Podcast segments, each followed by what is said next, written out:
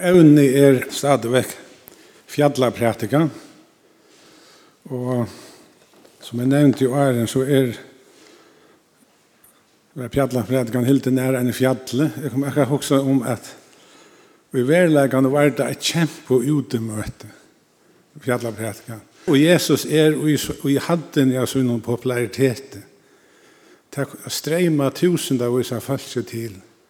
At han er som Han er en stjødna, simpelthen. Han kan ikke gjøre feil. Ødel elsker han. Men så brøydes det, som jeg kan hei om i Løyengarsøvn, ja. Hvor så kjøtt det kan brøydes ved mennesker. Knapplig, men, og det er kanskje tog at Jesus var øyelige versøy til han taler. Han sier til som det er, og til for jeg vil eisen i høyre i kveld att han kunde vara groliga bärsen och det var ikke alt som talt og det så vel. Och så var det eisne benjen för att han att han får agere han til kong, Så det er eisne vägar så politiskt. Här prästar står ju man kan nästan kalla det så. Det begynte å att reja stanna. Det var eisne politiskt. Och så til enda så måtte han vekk. Och det var det som hände i eisne.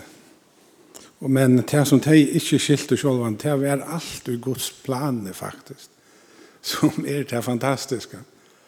God har i atlet så såles. Det var eneste måten av bjarga mennesken, det var at han måtte dodge. Evne i det er fjallaprætikken, til fra, vers, nei, fra kapittel 6, vers 25, og til 11. Etter nastseinas parsteren, så får jag stäcka näkrar. Jeg var ikke nær at du tänkte en, den sørste parsten, det var en parst jag tror att det var kanskje om tror jeg vi ikke la lämna an i lokker kanskje. Ja, nå skulle noen møte være mittlen. Um, evnene og ideer er jo sturi ikke, døme ikke, ikke kasta perler for svoen, og bøn og fire jottan. Og det første her til er store ikke. Og det her byrjar, eller til er vers 25. Av hese søk sier tikkun, store ikke fyrir livet tikkar. Hva de skulle få å eta, og hva de skulle få å drekka. Ei heldur fyrir likam tikkar. Hva de skulle få å fære ui. Er ikke livet meir enn mæteren, og likam meir enn klægen. At vera storen, det merker at øttes framtøyna. Og en gløymer er god har lova at være vi kvendige. Og til ikke omsorgen eller omhoksene som Jesus forbjøver. God har givet oss løyve som er til største. Skuld han så ikke sist for tog som minne er, kan man si, mæt og klæger. Det snur seg heller ikke om å forsøme sine skilter, men avværing om ikkje at lete seg leia avveis vegna gjerrisk vieskifter, så vi gløyma gos omsorga. Det er stora, det er fafongt, det er lærer vi det vers 22 til 22 hepa. Og det er mangel og patrygg, sier vers 3 og 1 tro. Og det er enn ta heie, sier vers 2 og 3. Vi skulle heldur minnas til det som god langt over gjørst okkur, Ta vi minnast Guds velger i løyvnum. Ta vil han ikkje hoksa av historien og på framtøyene. Vi har eisne vittnesbøren i Salma 23 og 25. Her han sier såleis, «Jeg unger hever vært, er gammal våren, men ungan tog jeg så en rattvis han bidda brei. Og så kommer han til vers 26. Hittje at himmelsens foglum, tar sova ikkje, ei heldur tar hesta. Men bera, og bera heldur, nei, og bera ei heldur saman i løver. Og himmelske færi tikkara føyer tær. Er og tid ikkje mykje meira verder enn tar. Jesus teker her fram døme om fuglana. Vi kunne eisen hoks om ånder djør. Jeg kom til døme så hoks om hundar og kjetter. De hava pels, så de kunne klara seg ut i ødlom vekker om det skal være og seieren han hever odla standa seg mot kultane vi og her, her til så hever god giv okkon omsorgan fyrir djauren at vi da er hjelpa dem om du sudja det loja nei. Og til dømme seg var menn fra gamle er tog i leia beol og forskjellig a verja seien vi og i det sudja vi nek flott seia hos enta og så leis lukar god om som skapar versk Og vi kan si at vi kvart så får vi løyve til å hjelpe til eisene. Djevren har eisen til at de dyrker ikke gjørende. De gøymer heller ikke føje til framtiden. Og i ødlomførende ser jeg luttlamon. Og så minner Jesus åkken at vi mennesker er mye verd for gode enn djevren. Vi er skapt i Guds mynd. Og som tryggvande kallar Jesus okkon enta viner og brøver. Her må man sija hver vær Vers jo, Men hver tykkara kan vi a stura ledja eina elen atter et evesvinn. Og i hesson føren er ein elen ikkje et langtarmål, men et mål fyrir togina. Vi lønja ikkje om loive vi a stura, sier Jesus. Og så fer vi til vers 8, 9, 30. Og hvor stora dit fyrir klævun? Djevet ikon fær om lindlinar av marskjene. Hvordan tar veksa? Ikke tar arbeid, ei heldur tar spinna. Men jeg sier til tikkun, at ikke sjolver Salomon i allar dårdsøyne var skruttur eins så ein tarra. Men tva i no god såleis klæger græse som i det stendur av marskjene – men i morgen var det blek i ovnen. Mannen tar ikke mye mer klei av tikkun tid fatrunna. Og i vers 60 nevner Jesus av fuglene disse ikke gjørene. Og i 80 at blomene tar kvart ikke arbeid eller spinne. Korsten er det kladdast, vekrast i heimen, sier Jesus. Og så nevner han Salomon kong, som er sagt at han er rykast og klokast med oss og nekrande jo livet. Sjalt han megna i ikkje a klea seg vekrar enn ein einfald blåma, sier Jesus. Og blåman, hon er skapt til livan er stutta tog. Menneskjan er skapt til evenleika. Og så ender han via a sier vi til storande. Tid fatrun. Altså er storan loyteltrygg. Og Jesus helder fram vi evnen som sier at hette er nekka han gonger høgt opp i og som er gode hørst, da han ser, at vi ikke har aldri til hans er omsorg. Vers 1, 3, 2, 3. Tui eier ditt ikke stor og sier, hva skal jeg få at eta, eller hva skal jeg få at drekka, eller hva, skal, hva skulle vi få at lete okken ui? Tui at etter ødlons lykon søtja heidner menn, og tui at himmelske fæger tykkar av veit at ikkun tørvast allukt. Som vi langt har hørt, så hever Gud lova at teka seg av okkur. Han lovar okkur ikkje god til grønne skover, som det ikke blir til vi kvart, men han lovar at vi skulle heva til neie og tingene. Det er lyftet til kvart godsbad, og hefta lyftet halde jeg vid eia hånds okkur ui om så, så skal være, og minna god at det, Ikke tog at han glemmer det, men at vi blir at det var ringt. Da vi har det ringt, som Jakob Apostel sier, og minner og knå. Og takkar gode, ta han hjelper, som Solmeren sier. Jeg tror at vi ødel har vært i slukkonstøvun, at vi tar var lindet eller store, eller fattelig fått det, synes vi kvart. Og ta er godt å vende seg til gods, og hukse om det som han har gjort over i okkara livet at minnes til det. Og så igjen seta og alle til hans. Han fer ikke av svitja. Jeg har selv eisen vei til støvå. Det er det har vi et ødel råkning vi. At jeg har størsta synder av og av. Og jeg må sige at jeg kvarja for jeg blir til skammer faktisk. Så jeg tar viset, jeg løser seg alltid allikevel. Ja. Det är det er støver här man sier, alltså gosse ska all hetta locka ska ska allt för att. Och så är det så gänka det bare.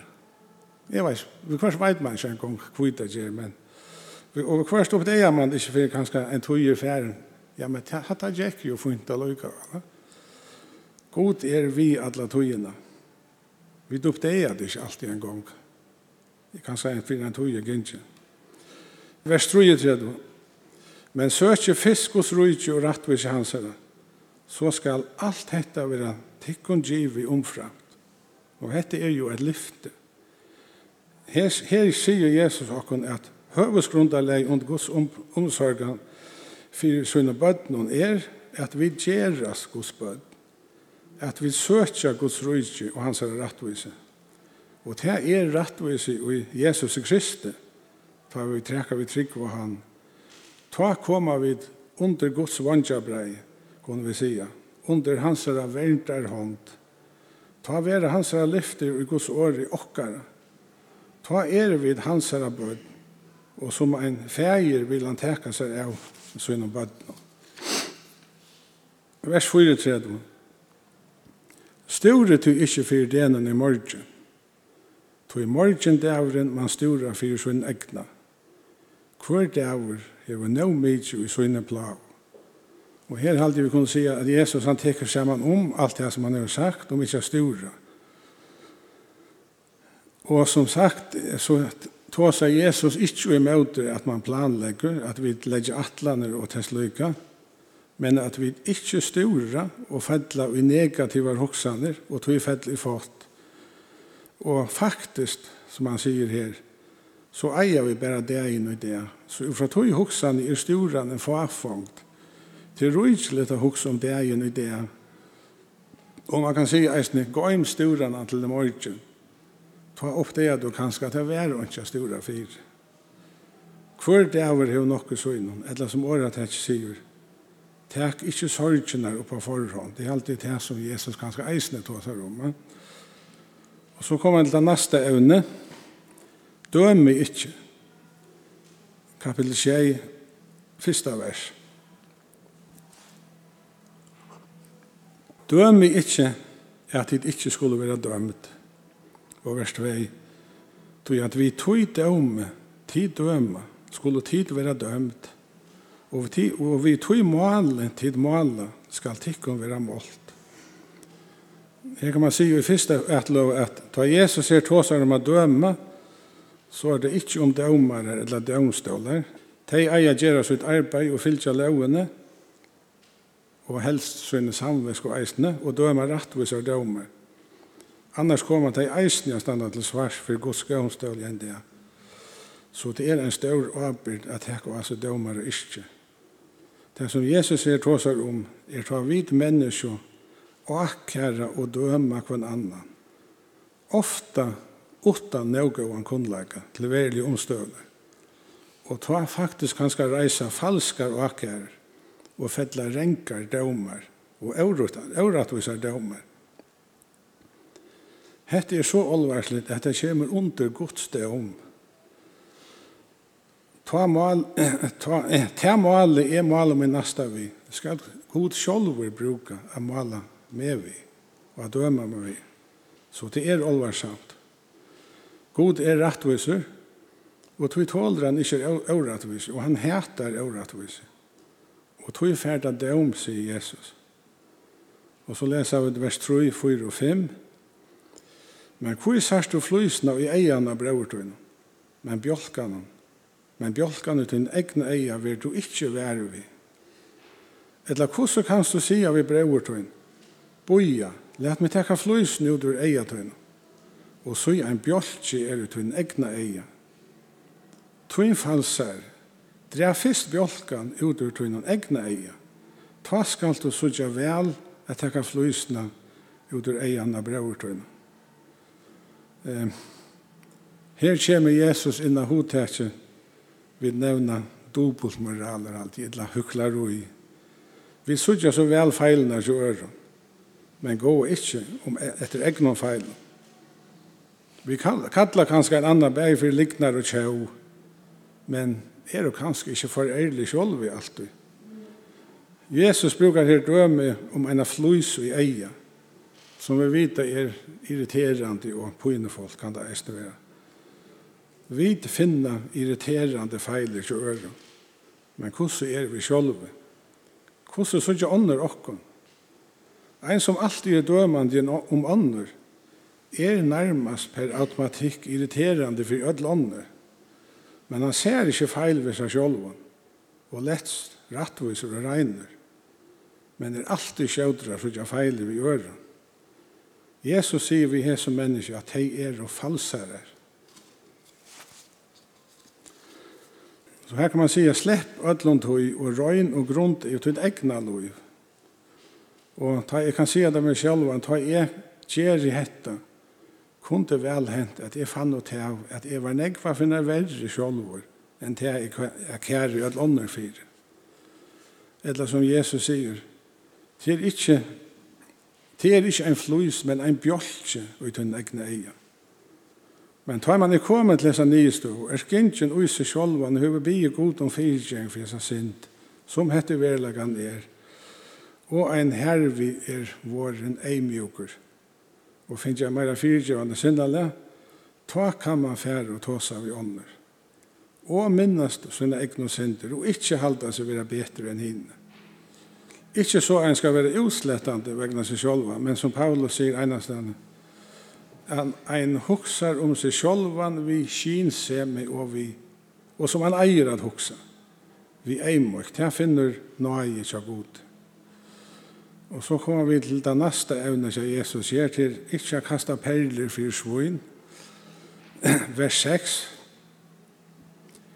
Gjev ikke hunden til vi heilat er, og blæt ikke heldur perler tikkara for svoin, at de ikke skulle trakka der nye under fauton, og venda seg vi og skreia de sunter. Um, ta Jesus sendte lærersvenner ut, sier han, at her som de ikke tog imot i honom, skulle ta rista dusti av seg møte til huset som teken om det om. Ta du boar Guds år, så erst var en båber ikke gode, så Jesus og heile i andan. Hundar er ofta brukt i Bibelene som, som, som nekka ringt, og svinene var årangjør. Ta Jesus her tåsar om heila kjøtt, så er det kjøtt fra offringen i tempelen. Ja, giv i hundet her vil det være større vannvering og eisne beinleis spotta. Jesus sier selv om, om Israel og hans døven at de fink og bøyene. De var bøyene i bridle, men de vil du ikke. Tog var tjenerne sender ut av gøtene av bjøve ødlom her som ville Og dette er uimynderlig tale. Og ta kom og bøyene til heitningene Men Israel er til ikke slept. Det er nøye gorm til deg, og er en østad det. Da leser jeg det hos bor. Eh, Ta du hever boa glede i båskapen eina for, for en menneske, og vittne eina for, for hesen personene, og hesen ikke teker vi, og vil ikke vite av hesen, så er ikke kløkt av bliva vi. Det eneste en færburs ur er at de herra seg, Og kanskje enda fer å spotta bæg til god og hans år. Eller som Jesus sier, de kunne venda seg vi og skreia det sundur. Om ikkje vi kjøkjelige, så vi åren og bæktal. Guds år er heilat, og at rokna vi dyrar perler. Ein skal være seg hos en fer vi åren. At det ikke være vannverst og dolka, sier Jesus. Eh, jeg halte selv at vi ofta sykja døm om at som er tryggvande kanska i åra vis trætast vi vantryggvande og ateister om god og Guds år. Som er du jeg sykja det her, så gonger Jesus imot i hesson. Ateisteren hever langer tid til sina støv. Det er aller helst åndsje tofars sagt som brøyder hans støv. Hever du eina fyrir vittna så er du regner for hans er blåa. Kasta så ikke meira perler for svoin. Hør år, men det er Jesu år. Og det sier hvordan olvarsamt det er å vende gode bætje. Hinvein, så kjem det fyrir at folk som eina fyrir var negativ og kanskje futsindallig, koma sjolv i atre a spyrja. Til å si at hei vi tøyene er å byrja at, at vikna i sinne høyre støv. Og det er sjølvande gledelig. Men ta må man sjølv i eisne ettermøte om hette er olvar eller lauter. Tog jeg nekv av hessen her, nu har vi er tåsa vi anker sjån åkti, Det er jo ikke så alvorlig alltid, men hvis det er verlige olvar man finner, så skal man sjølvande teka trajen oppater og svære.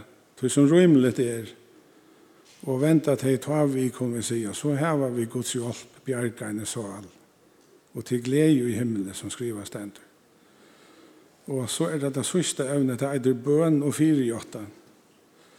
vers 6 og 8. Bie så skal tikkum være givet. leite så skal de finna, bensje på så skal det være lett i for tikkum. Du er hvert han i bier, han fær, og han i leitar, han finner, og tøy og i benkar og på skal vera lett i oppfyr. Og her må vi si, er det ikke valsikna at Jesus bier okkon bier. Så kunne vi vi fru med å bia til gods. Så han er reisende sjolver på anna okkon veien til sjolva gods trevn vi sunnan heila og reina blåe. Tøy kom vi be i Jesu navn og vanta bønarsvær. Og han sier om han som framvegs leitar, at om han helder å, så skal han finne.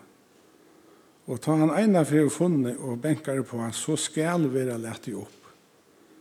Vi liv og i nøyetøyne, til ein var signa tøy i så måte, at horen kja god er alltid åpen, det og nått. Eller som de unge kan si, 24-7, hon er alltid åpen, horen kja god. Uh, ja. Nudjo tudjo, Etla hver er han med over tikkara middelen, som vil gjeva sine ein stein, da han byr om brei. Etla manna vil gjeva hon ein orm, da han byr om fisk. God er okkara feir, han er okkara papi, han er okkara babba, kvart vi så kallar det. Hver vil det gjeva sønnen badne nekka ringt, da det byr om det som er neiot. Vi har som døm noen brei etla fisk. Man kan säga att förra dömer är sin synder svart kämt alltid. Ja, färgen skulle ge upp vattnen en stein till att bära om brei. Eller meir olvarsamt at han gav til en orm till att bära om fisk. Det vil det så avgjørs være en under på appen. Såleis er god ikkje. God er kærleik. Han elskar sine bøten iver alt. Det leser vi, det var skosson jeg var fyrir i bøyblene.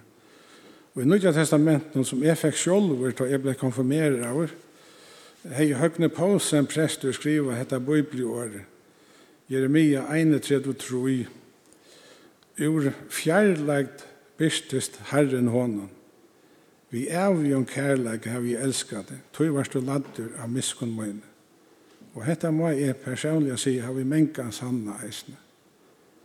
Guds kærleik. Vers 11 til det sørste. Om ta tid og i ønd er, vita at djeva tikkara bøtten og gauar gavur. Hvor mykje meira skal ta fægir tikkara som er i himmelen, djeva taimon gauar gavur og i bia han. Og takk og lov og god fyrir det. Takk fyrir din oendelige kærleik og trofeste, at du vilt okkon det beste, at du i innan året lovar okkon alltid å være vi okkon og at bjerg okkon undan nei og undergrensje. At du vil djeva okkon gauar gaver, tøymelige og andalige, og som vil også, omgant du er så ein rattvisan loja brei. Nei, omgant du er så ein rattvisan bidda brei. Takk for lyftene. Takk, Jesus. Amen.